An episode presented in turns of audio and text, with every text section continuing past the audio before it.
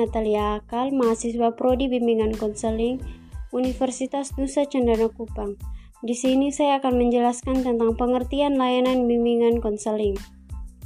Pengertian bimbingan konseling Ih, merupakan suatu bantuan yang diberikan oleh konselor kepada konseli agar konseli mampu menyelesaikan masalah yang dihadapinya dan juga mampu mengembangkan potensi yang dimilikinya. Adapun tujuan bimbingan konseling Tujuan bimbingan dan konseling yang terkait dengan aspek pribadi sosial konseling adalah yang pertama, memiliki komitmen yang kuat dan mengamalkan nilai-nilai keimanan dan takwa kepada Tuhan Yang Maha Esa. Yang kedua, memiliki sikap toleransi terhadap umat beragama lain dengan saling menghormati dan mem memelihara hak dan kewajiban masing-masing. Yang ketiga, memiliki pemahaman tentang irama kehidupan yang bersifat fluktuatif antar yang lain, menyenangkan, dan yang tidak menyenangkan. Yang ke yang keempat, memiliki pemahaman dan menerima diri secara objektif dan konstruktif, baik yang terkait dengan keunggulan maupun kelemahan. Yang berikut, memiliki sikap positif atau respect terhadap diri sendiri dan orang lain. Yang berikut, memiliki kemampuan untuk melakukan pilihan secara sehat, bersikap respek terhadap orang lain, menghormati atau menghargai orang lain, tidak melecehkan martabat atau harga dirinya. Yang berikut memiliki kemampuan berinteraksi sosial yang yang menunjukkan dalam bentuk hubungan persahabatan, persaudaraan atau dengan sesama manusia. Yang berikut memiliki kemampuan dan menyelesaikan konflik baik bersifat internal maupun dengan orang lain. Yang berikut memiliki kemampuan untuk mengambilkan mengambil keputusan secara efektif. Adapun fungsi bimbingan konseling. Fungsi bimbingan konseling ada 10 fungsi. Fungsi pertama mem, fungsi memaham, pemahaman, yaitu fungsi bimbingan konseling mampu membantu konseling agar memiliki pemahaman terhadap dirinya, dan lingkungan, pendidikan, pekerjaan, dan norma agama. Yang berikut, fungsi preventif, yaitu fungsi yang, ber, yang berkaitan dengan upaya konselor untuk untuk senantiasa mengantisipasi terkait masalah yang mungkin terjadi dan berupaya untuk mencegah. Yang berikut fungsi pengembangan, yaitu fungsi bimbingan dan konseling yang bersifat lebih proaktif dari fungsi-fungsi lain. Konselor senantiasa berupaya untuk menciptakan lingkungan belajar yang konduktif yang yang fasilitasi perkembangan konseling. Yang berikut fungsi penyembuhan, yaitu fungsi bimbingan dan konseling yang bersifat kulatif. Fungsi ini terkait dengan erat dengan upaya pemberian bantuan kepada konseli yang telah mengalami masalah baik menyangkut aspek pribadi, sosial, belajar maupun karir. Yang berikut fungsi penyaluran, yaitu fungsi bimbingan dan konseling dalam membantu konseling memiliki kegiatan, kegiatan ekstrakurikuler, jurusan, atau program studi dan memantapkan penguatan karir atau jabatan yang sesuai dengan minat, bakat, keahlian, dan ciri-ciri pribadi lainnya. Yang berikut fungsi adaptasi, yaitu fungsi mem membantu, membantu para pelaksanaan pendidikan, kepala sekolah, madrasah, dan staf, konselor, dan guru untuk menyelesaikan program pendidikan terhadap latar belakang pendidikan, minat, kemampuan, dan kebutuhan konseling.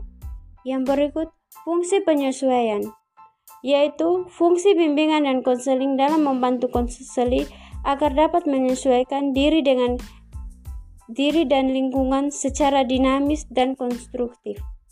Yang berikut, fungsi perbaikan, yaitu fungsi bimbingan dan konseling untuk membantu konseling sehingga dapat memperbaiki kekeliruan dalam berpikir, berperasaan, dan bertindak dan berkehendak. Yang berikut, fungsi fasilitas, memberikan kemudahan kepada konseli dan mencapai pertumbuhan dan perkembangan yang optimal, serasi, selaras, dan seimbang seluruh aspek dalam diri konseling.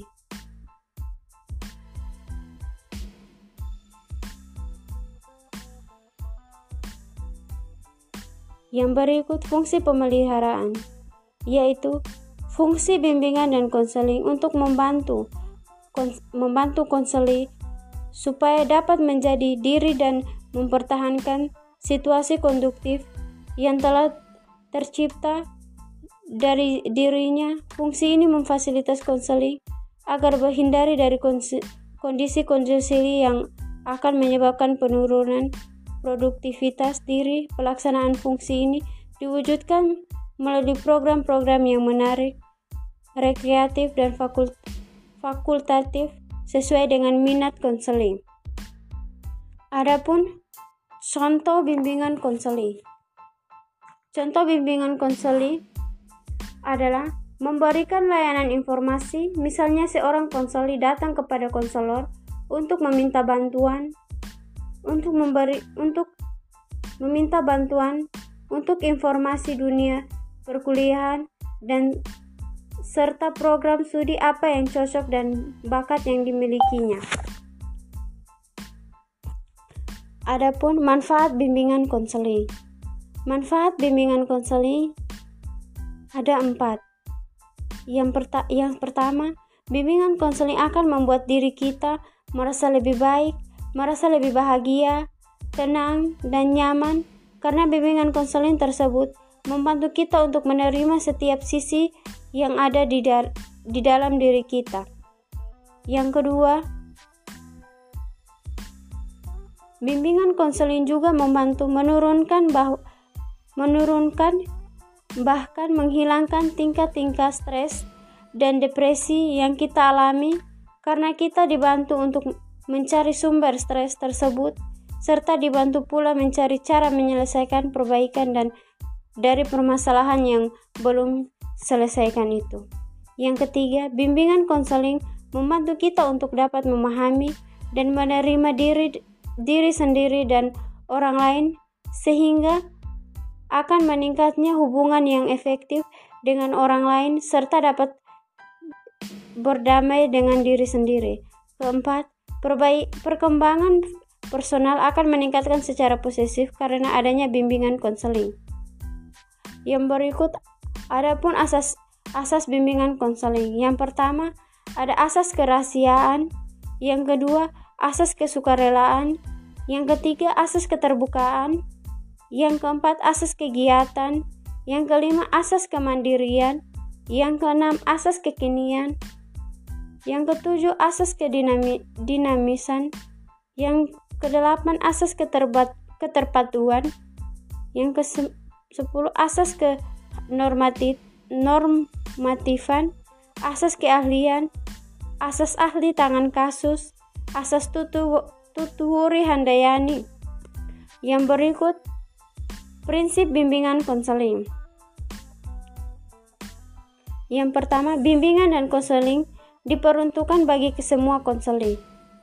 Prinsip ini berarti bahwa bimbingan diberikan kepada semua konseli atau konseli atau konseling, baik yang tidak bermasalah maupun yang bermasalah, baik pria maupun wanita, baik anak-anak, remaja maupun dewasa. Dalam hal ini, pendekatan yang digunakan dalam bimbingan lebih bersifat prefektif dan pengembangan daripada penyembuhan, dan lebih diutamakan teknik kelompok daripada perseorangan atau individual. Yang kedua, bimbingan dan konseling sebagai proses individual. Setiap konseling bersifat unik, berbeda satu sama yang sama lainnya. Dan melalui bimbingan konseling dibantu untuk memaksimalkan perkembangan keunikannya tersebut. Prinsip ini juga berarti bahwa yang menjadi fokus sasaran bantuan adalah konseling, meskipun pelayanan bimbing bimbingannya menggunakan teknik kelompok. Yang ketiga, bimbingan meningkatkan hal yang positif. Dalam kenyataan, masih ada konseling yang memiliki persepsi yang yang negatif terhadap bimbi, bimbi, terhadap bimbingan karena bimbingan dipandang sebagai satu cara menekankan aspirasi sangat berbeda dengan pandangan tersebut. Bimbingan sebenarnya merupakan proses bantuan yang menekankan kekuatan dan kesuksesan karena bimbingan merupakan cara untuk membantu pandangan yang positif terhadap diri sendiri, memberikan dorongan dan peluang untuk berkembang. Sekian dari saya. Semoga bermanfaat. Sekian dan terima kasih.